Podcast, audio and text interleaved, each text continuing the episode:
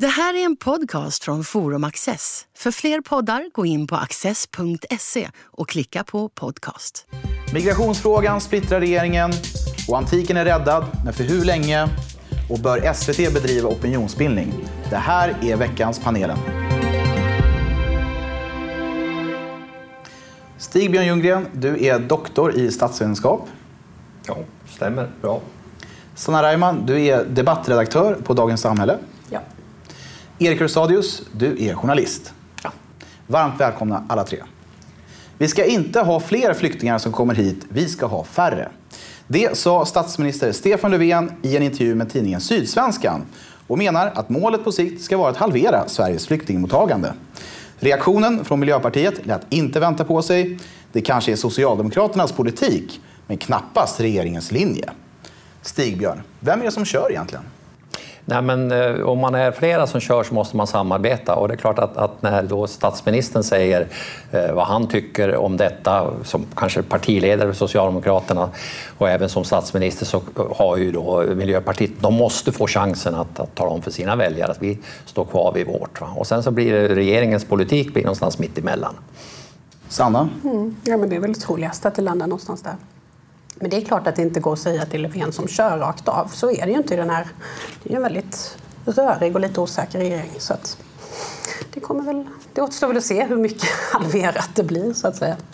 När det gäller regeringsunderlaget, det är, så det är inte bara Miljöpartiet som sitter i regeringen som har en mer ska jag säga, optimistisk syn på migration än vad Löfven flaggar upp för. Det är ju faktiskt Centerpartiet också som man ska ha med sig. Men sen är jag undrar hur man ska få ner invandringen. Nu målet är att få ner invandringen. Så det ska man konstatera att det finns en migrationspolitisk utredning eh, som, som är, den är väl igång nu, men i direktiven så skrivs det i princip att man ska ha mer invandring. Eh, och det är det man fått lära sig under många år för, på vänsterhåll, så att säga, att vi, vi tjänar pengar på invandring. Nu säger Löfven att den ska minska, men om vi nu tjänar på den och om det är en bra investering, varför ska vi minska? Så att, och Morgan Johansson pratade i vintras om att nu, nu, ska vi, eh, eh, nu, ska vi, nu ska vi bli mer generösa igen. och så, där. så att, jag måste säga att den här linjen är något oklar. Men det är klart att det man, det man ser nu från socialdemokratiskt håll det är ju hur allt fler eh, S-väljare och LO-medlemmar börjar stödja Sverigedemokraterna. Det har ju pågått länge men det tycks ha förstärkts på sistone. Så det här är signalpolitik för att så att säga dämma tappet. Det är väl också, tänker jag i alla fall, att det är någon sorts eh, insikter som, som landar. Man sitter och gör en budget, man förstår att man måste ge väldigt mycket mer pengar till kommunerna för att de i många fall går på knäna. Det är också ofta från kommunerna som det börjar mullra upp, uppåt i sosseriet. Så att det finns ju krav som har med verkligheten att göra, så att säga. Ja, den där verkligheten, ja, ja, den, den, den, att den ska finnas. Ja. Väljare och verklighet. Alltså, politiker har ju ibland faktiskt eh, riktigt eh, svåra saker att hantera. Verkligen. Bortom konferensbord och slagord och sådana saker. Alltså, en liten notering eh, tycker jag gärna det att när, när eh, det fylldes på redan, alltså 2015, redan innan med eh, flyktingar ute i kommunerna, då betalade ju staten ordentliga mutor. Alltså många kommuner tjänade massa pengar på att ta emot flyktingar. Man fick enorma bidrag för mottagningen. Och kommunerna kunde faktiskt skära emellan. Så att, eh, säg att man tog emot en ensamkommande från Afghanistan, som troligen kom från Iran egentligen då, men som kanske då kostade en miljon. Man fick en miljon för den personen. Men, men eh, Medan den faktiska kostnaden kanske bara var en halv miljon eller 700 000. Och så skar man emellan. Dessutom var det många kommuner som såg en möjlighet här, alltså nya kunder till lokala ICA-handeln och, och att, att, så att säga alltså i, i, i döende landsbygd skulle bli levande. Men, men det förutsatt naturligtvis att de här människorna skulle komma i jobb. Och då har vi ju fått skrämmande statistik här från, jag tror det var Statistiska centralbyrån som visade att det var möjligen en tiondel som, som är i riktig försörjning av de som kom 2015. Och får de inte jobb då, då är det här en ekvation som inte går ihop. Men den gick ihop kortsiktigt för kommunerna genom de här enorma mutorna som staten betalade. En slags keynesianism kan jag säga, eller? Ja, det, ja, det, det kan man ju säga. Nu, nu, nu, nu, just det att man, man en efterfrågestimulans så att säga. Men, men det måste, till slut måste finnas ett arbetskraftsutbud också. Och det handlar om matchning, det handlar om utbildning, det handlar om kulturell kompetens och, och sådana saker. Det är inte helt lätt. Och, om man har meckat med traktorer i Somalia och sen så komma till något high-tech pappersbruk i, i, i ehm, liksom svenska rostbältet. Så det, det är inte helt lätt att flytta över kompetens. Och, Det gäller ju även invandrare som har hög kompetens. Alltså det är väldigt lätt att prata om validering men det är ganska svårt att genomföra den, i synnerhet fort. Snabbspåren har ju varit ganska skakiga och det är inte så god genomströmning som man kanske hoppades hade tänkt sig och så. Även ens med akademikeryrkena. Så att, ja. Ja, frågan validering har väl diskuterats i 15-20 Ständig. år. Ja. Ständig. Ja. Ja. Men de här kommunerna som tog emot väldigt eh, många flyktingar, borde inte kommunalråden redan då ha förstått? För de här statsbidragen var ju liksom eh, villkorade för två, för två år.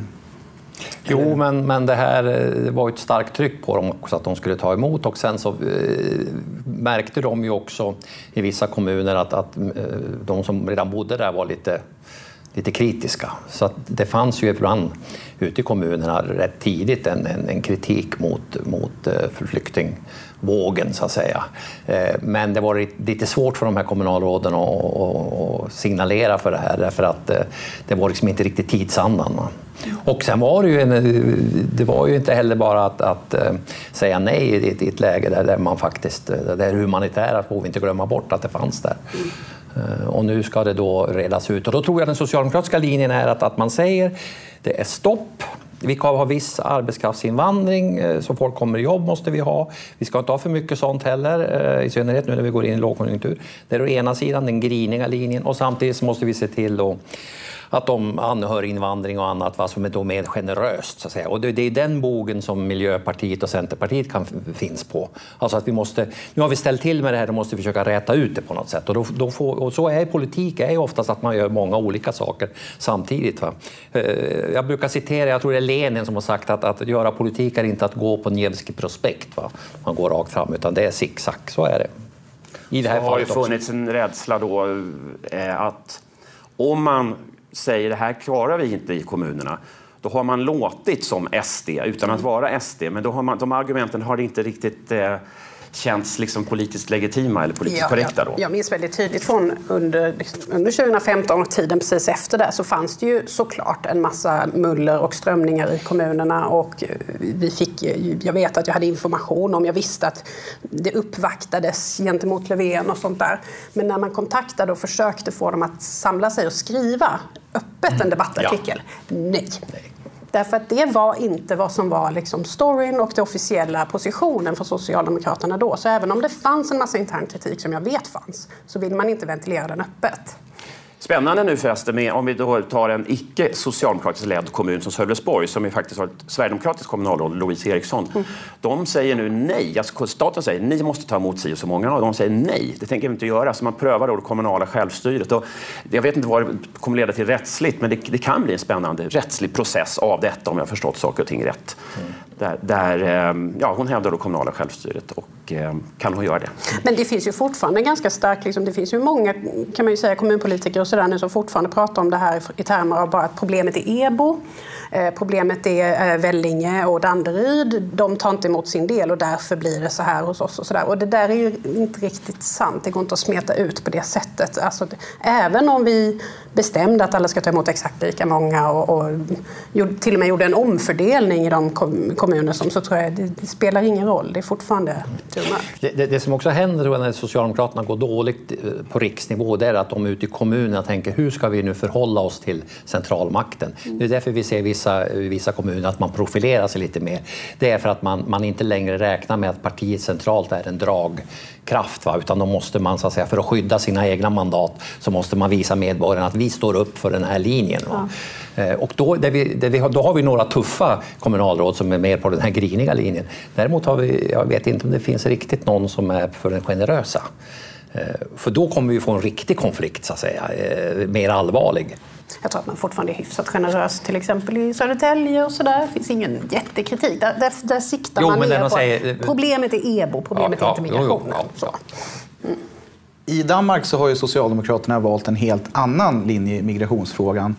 Eh, Man har varit, länge har man varit väldigt restriktiv. Eh, Tror ni att vi kanske ser en sån utveckling även i Sverige? Alltså Ja, nu har de ju stängt gränsen mot Sverige, nu säger de stopp. Ja, alltså det, här, jo, det är klart att det blir, den danska verkligheten blir den svenska så småningom. Men det är, en, det är en lång fördröjning. För det är så mycket, många människor som har investerat karriärer och, och intellektuellt kapital i den här idén om att vi skulle tjäna på invandringen. Nu när vi troligen inte gör det, eller ja, säkerligen inte gör det, så det tar tid att så att säga e- se sig själv i spegeln och säga jag hade fel. Jag hade så in i bomben fel. Jo, men sen har vi, vi har ju det vi kallar för integrationsindustrin, det är klart, som är rätt stor i Sverige och som är rätt drivande i det här. Men, men, eh, sen, migrationsindustriella komplexet. Men sen, det man glömmer när man säger att Socialdemokraterna i, i Danmark har varit så griniga eh, när det gäller invandring, det är ju att de också samtidigt varit väldigt vänster i andra frågor, typ förmögenhetsbeskattning och sånt där. Så att, så att det, och det är ju den kombon som kanske vi kan förvänta oss i Sverige också, att man har både en, både en vi kallar det då för höger, alltså att man återvänder till den traditionella socialdemokratiska griniga linjen när det gäller invandring, och den traditionella socialdemokratiska linjen om att, att man ska beskatta kapitalet hårdare. Mycket mer sånt, och det kommer att göra den här regeringen ännu knarrigare, gissningsvis. Ja, precis. För om det nu är så att S vänder helt, eh, vad, vad, hur ser förutsättningen ut för, för hela samarbetsregeringen? Ja, alla är inte med i regeringen, men Annie Lööf och, ja, och, ja, och Liberalerna kommer ju definitivt inte bli lyckliga över det. För då kan de ju lika gärna, så att säga, då kan de ju lika gärna hänga med, med, med Moderaterna. Därför att tanken här var ju åtminstone att de skulle få igenom lite politik och samtidigt få ha sin migrations mer öppna linje. Eh, kommer de inte få det längre och dessutom få höjda skatter, ja, då ska titta lite i min kristallkula. Den är, den är inte så där kanske alldeles skinande så, men, men alltså, behöver Moderaterna och Kristdemokraterna, eh, Centern och Liberalerna. Alltså snart har de tillsammans med Sverigedemokraterna 50 procent mm. faktiskt. Om man ja. tittar på opin hur opinionen utvecklar sig. Så att eh, Annie Lööf kanske är helt överspelad. Ja, SD kommer ju troligtvis, jag tror i alla fall att de kommer springa om. Eh, kanske inte allt för långt borta, vi får väl se. Men eh, det är också därför att de här omvändelserna inte, tror jag, uppfattas som helt pålitliga från väljarna. Och sen tror jag att det finns en annan del i det här att när man ser de här omvändningarna nu som har ju skett både i Moderaterna och, och då i Socialdemokraterna och sådär. Så dels då så kan, kan det väl handla om att man inte litar på det. Men sen tror jag också att det till slut skapar en sorts äh, Ja, till slut känner man väl att man vill bestraffa dem lite. Jaha, nu vet ni det här. Ja, då ska jag ge Sverigedemokraterna få vinna i andra chansen nu. Eh, att det blir som en liten läxa på något sätt. Stigbjörn, du som är en, en, expert på rörelsen. Kan det vara så att det kan mullra väldigt mycket inom ett parti, inom Socialdemokratiska partiet, men när man väl bestämmer sig då kommer minsann alla att sluta upp unisont bakom den nya linjen? Jo, men så är det. Det är ju för att man är ett statsbärande parti som, som eh, är beredd att ta... Eh, man vet, man vet att, att, att vill man, ska man regera så då måste man göra en del som man inte gillar och man måste acceptera läget. Sen kan man ha en väldigt tuff intern diskussion men utåt så ska man hålla sig. Och det är ju därför som de gång på gång lyckas hålla sig kvar vid makten också. Därför att, att vara ledande socialdemokrat det är att liksom leva med ungefär som en villaägare. Det står alltid 1-0 till huset. Va? Det är alltid något problem. Mm. och, och opposition, de, som, de som faller i oppositionismens... De kan alltid sitta ja det är så hemskt, det är så hemskt. Vi vill bygga bastu. Ja, ja, ja, vi är så moraliska. Eh, men, men sen när de väl får makten så brukar det inte gå något bra. Spännande. Vi får se hur det utvecklar sig framöver. Och därmed är det dags att gå över till nästa ämne. Skrota antiken i grundskolan. Ja, det tyckte i alla fall Skolverket var en bra idé. Något de sedan fick backa ifrån efter massiv kritik. Men vad säger om Sverige att en myndighet får för sig att lägga fram ett sånt här förslag? Sanna, vad mm. tänker du? Ja, jag tänker, alltså, man ska väl inte banga för insikten så att säga att det finns en målkonflikt här. Historien tenderar att bli längre och längre och det kommer bli svårt att trycka in allt. Och det kommer ju finnas då en, ett, ett krav på att vi blir lite ytligare eh, förbi vissa perioder. Sen i antiken är det ett dåligt val. Eh, be mig inte säga vilket som är bättre. Eh, men det handlar kanske inte bara om proportioner inom ett ämne utan kanske också mellan ämnen tänker jag. Eh, Susanne Nyström som är ledarskribent på Eskilstuna-Kuriren hade räknat runt lite grann på det där och konstaterade liksom att ja, ungefär hur många historietimmar får man under sina nio år? Ja, det var väl någonstans runt 220 landade hon i. Eh, slöjd på nio år får man 330 timmar till exempel. Eh, det kanske man inte måste ha. Sen tänker jag också att det kanske dessutom tyvärr är så att även om vi gav alla slöjdtimmarna till historieämnet så tror jag att man skulle lägga ganska mycket av den tiden på annat ändå. För att det är ju inte bara ett, det är också ett problem i skolan hur man väljer att lägga fokus och sådär. Eh, jag är kvinna, jag är all for att vi pratar mycket om kvinnor och så. Men det finns ju en tendens lite grann att man vill för sakens skull installera jämställdhet i tid då det inte fanns så mycket jämställdhet. Om vi på motsvarande sätt skulle göra som i vår tid så skulle jag försöka förklara vår tid så skulle jag prata mer om Donald Trump än om Nancy Pelosi. Det betyder inte att jag tycker att Donald Trump är mycket bättre eller viktigare. Eller, ja, viktigare är han för skeendena har mer med honom att göra. Och det, det, kommer man liksom inte undan. Och där tror jag att vi har kanske sådana problem ganska mycket i skolan. Att man håller på att flytta runt fokus och så.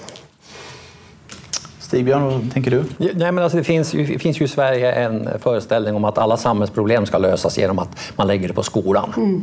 Eh, så skolan har, liksom, har liksom socialiserat eh, familjen eh, och eh, tagit över ansvaret för att alla typer av färdigheter som, som, som man ska ha, eh, det uppväxande släktet behöver, ska skolan fixa. Mm. Och det är klart, då blir det trångt om man inte... För, menar, eh, de flesta som har skällt här på, på, på det här förslaget har för det första inte fattat att det är en remiss.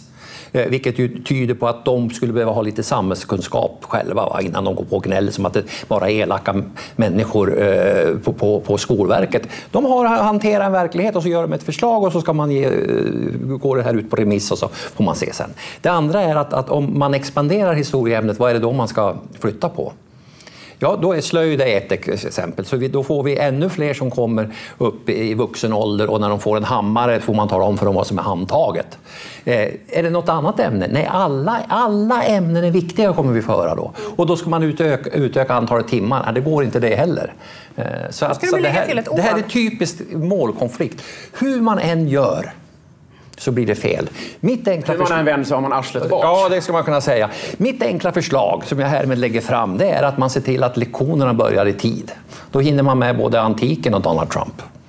Ja, det är en, en svår uppgift. Det, det, är faktiskt ett problem med historieämnet, och du var inne på det Sanna, att att historien består i till oroväckande hög grad av vita män. Eh, och det, eftersom den svenska skolan för länge sedan totalt abdikerade från idén om att den skulle Eh, så att säga, eh, förmedla kunskap eh, och bilda eleverna. Utan I den svenska skolan ska slutprodukten vara en politiskt korrekt värdegrundskonsult.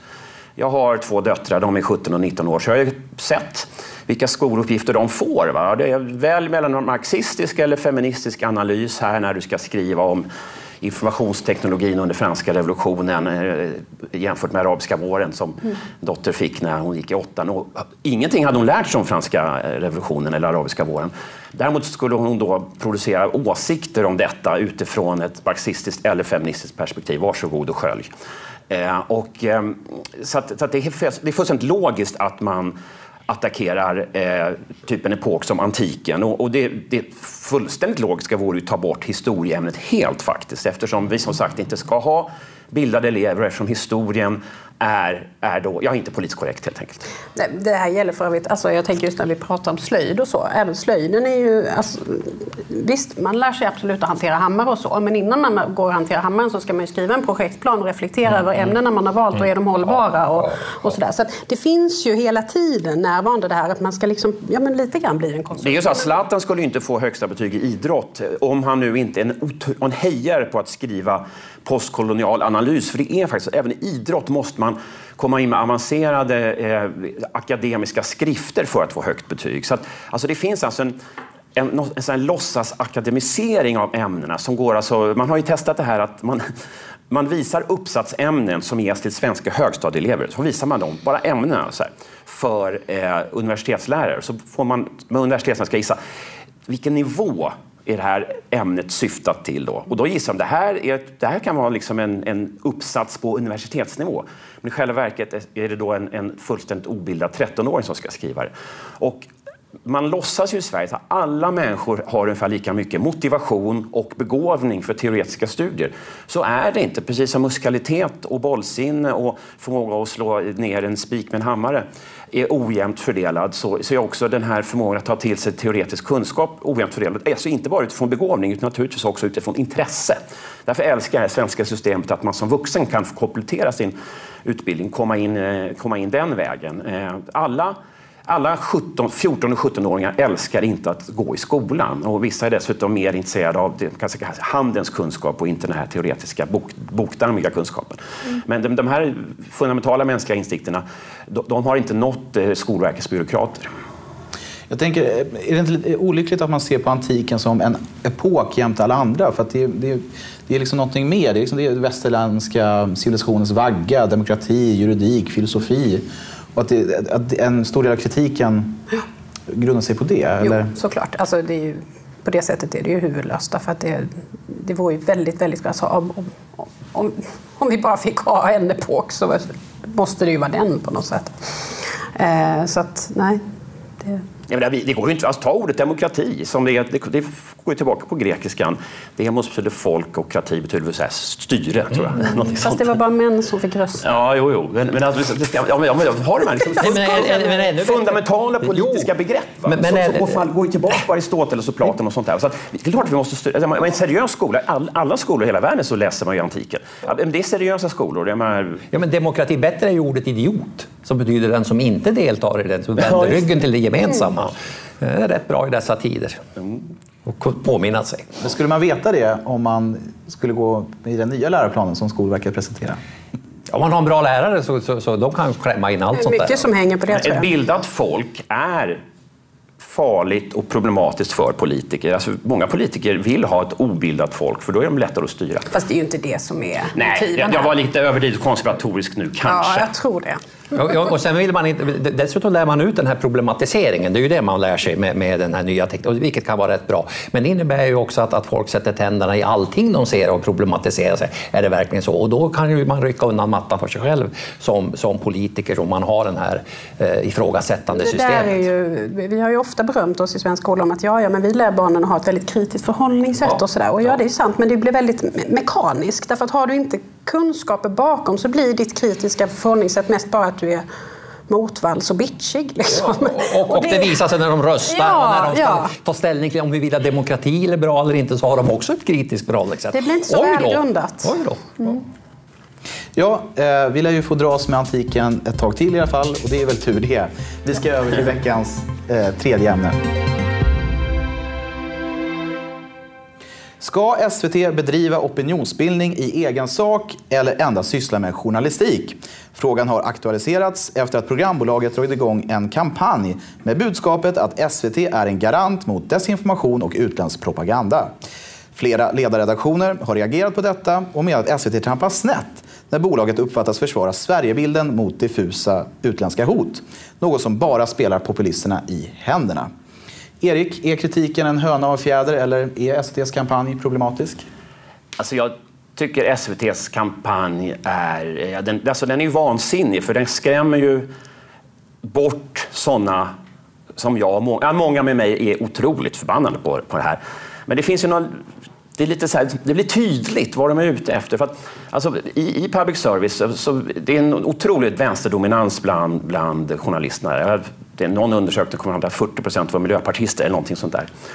Och idén är ju att vi, vi betalar ju det här via skattsedeln numera, inte via licens. Det, det är att det ska vara någon typ av objektiv journalistik, men det vet vi att det inte är.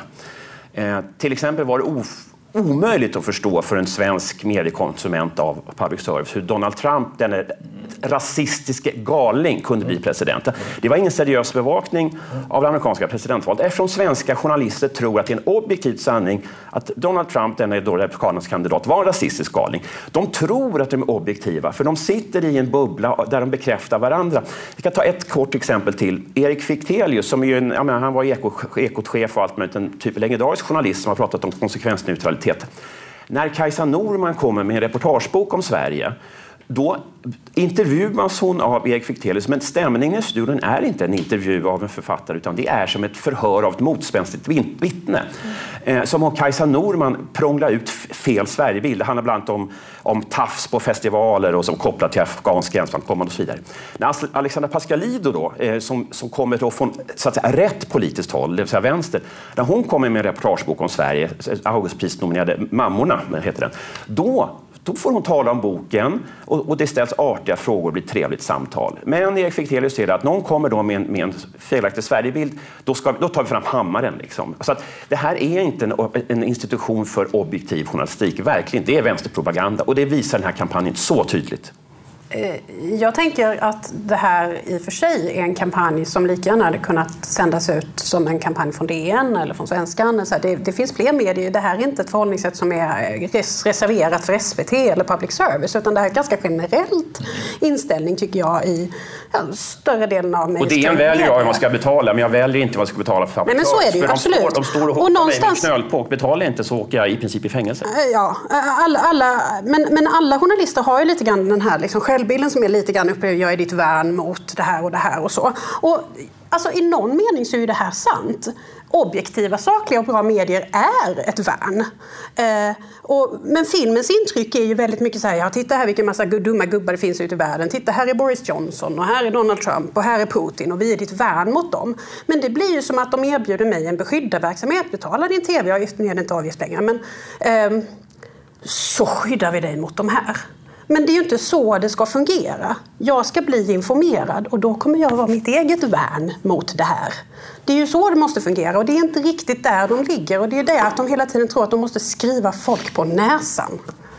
Så god journalistik ska liksom ta för sig själv? Leder sig själv. Ja, ta, ta klimatjournalistiken. Alltså, eh, SVT eh, på public service då har man gjort organ för klimataktivism. Det, det, ja, det var en rapportsändning i, för några månader sedan. Det var två stycken långa inslag i samma rapportsändning som var alltså, uppenbart klimatalarmistiska. Och eh, ja, jag menar, den här frågan ska skildras, den är viktig och så vidare. Men det, men, men det måste skildras på ett sådant sätt att man inte upplever att journalisterna själva är aktivister. Men det är allt, eh, den känslan tror jag är väldigt vanlig hos svenska tv-tittare, radiolyssnare och public service. Att det är aktivister som pratar, det är inte journalister. Stig-Björn, vad är dina tankar? Ja, alltså det som händer nu är att eh, med de traditionella medieaktörerna tidningsredaktioner och tv-redaktioner och andra. De har sågat av den gren de sitter på. De har burit fram en journalism, inte journalistik utan journalism som bygger på en populistisk världsbild om att, att makten är skurkar. Alltså en, en, en, journalismen delar in makthavarna, och de själva är inte makthavare, de står utanför, i två grupper. De som är avslöjade och de som ännu inte är avslöjade. Och det här har under flera decennier så att säga, kommit att prägla vår bild av verkligheten, att det är skurkar. Det som har hänt nu det är att folk också börjar titta på journalisterna och säga att ah, de mörkar, de har inte sagt sanningen. De är, de är också eh, bovar och banditer precis som de andra, som direktörerna och politikerna. Och så det här är ju, så vi ser jag som ett försök från den här ska säga, Stockholmsburna eh, eliten att försvara sitt varumärke som, som någon som säger sanningen. Eh, och förutom att det är här mentala förändringen hos befolkningen så är det också, handlar det också om att, att tekniken, teknologin har gjort att deras privilegium att organisera förståelsen av samhället har försvunnit. Och det är utspritt. Det finns inte längre någon tydlig mittpunkt. Det finns ingen vi kan lita på. Va? Och klart att i det läget så, så, så är det ju viktigt för alltså den regim vi har att, att, att återupprätta eh, regimmedierna, radio och tv som en slags eh, eh gravitationscentrum för förståelsen i, i samhället. Så det här, är, det här handlar om maktkamp kan man säga. Ett starkt indicium på att public service har förlorat en del av sitt förtroende, har ju onekligen en del förtroende kvar och det görs ju fortfarande bra journalistik. Men det är att Sverige är ett land med ovanligt hög andel eh, så kallade alternativmedier. Mycket högre konsumtion av alternativmedier i Sverige än i motsvarande länder och det, det, det säger väl någonting om att public service har tappat viss trovärdighet. Man kan titta på, jag har en son som går i lågstadiet, de tittar på Lilla Aktuellt ibland. Eh, och eh, då kommer han fram och ger mig, hem och ger mig små liksom, brottstycken av vad han uppfattar om världen. Och en, en sak är ju att Donald Trump är Lex Luthor mm. och det, det, kan jag hålla med om. Men, men jag tycker bara att det är lite så här, jag vet ju ingenting om Kina. Alltså, det, det, blir så skevt. Och, och, till exempel så kom han hem och så var han väldigt bekymrad och sa att den här Boris Johnson han verkar väldigt dum. Han vill att, att, att eh, de ska lämna EU och jag tycker de borde stanna i EU. Och så jag, ja, det håller jag med om. Men vi har haft en folkomröstning i Sverige om det här. Man får tycka att man inte, man får inte vilja vara med i EU. Det är okej. Man, det är, alla är inte jättedumma som inte vill vara med i EU. Och det känns lite fånigt att jag ska behöva säga det. För det är ändå så här, det är en legitim åsikt. Det är okej. Men det här är ett bra exempel också på hur, hur man tränar eh, den uppväxande generationen. Mm. Du ska titta på det här för att förstå verkligheten. Mm. Skola och, och, och eh, medierna, så att säga, regimmedia, hänger ihop. Och det får bli veckans avslutande ord. Tack för att ni var med.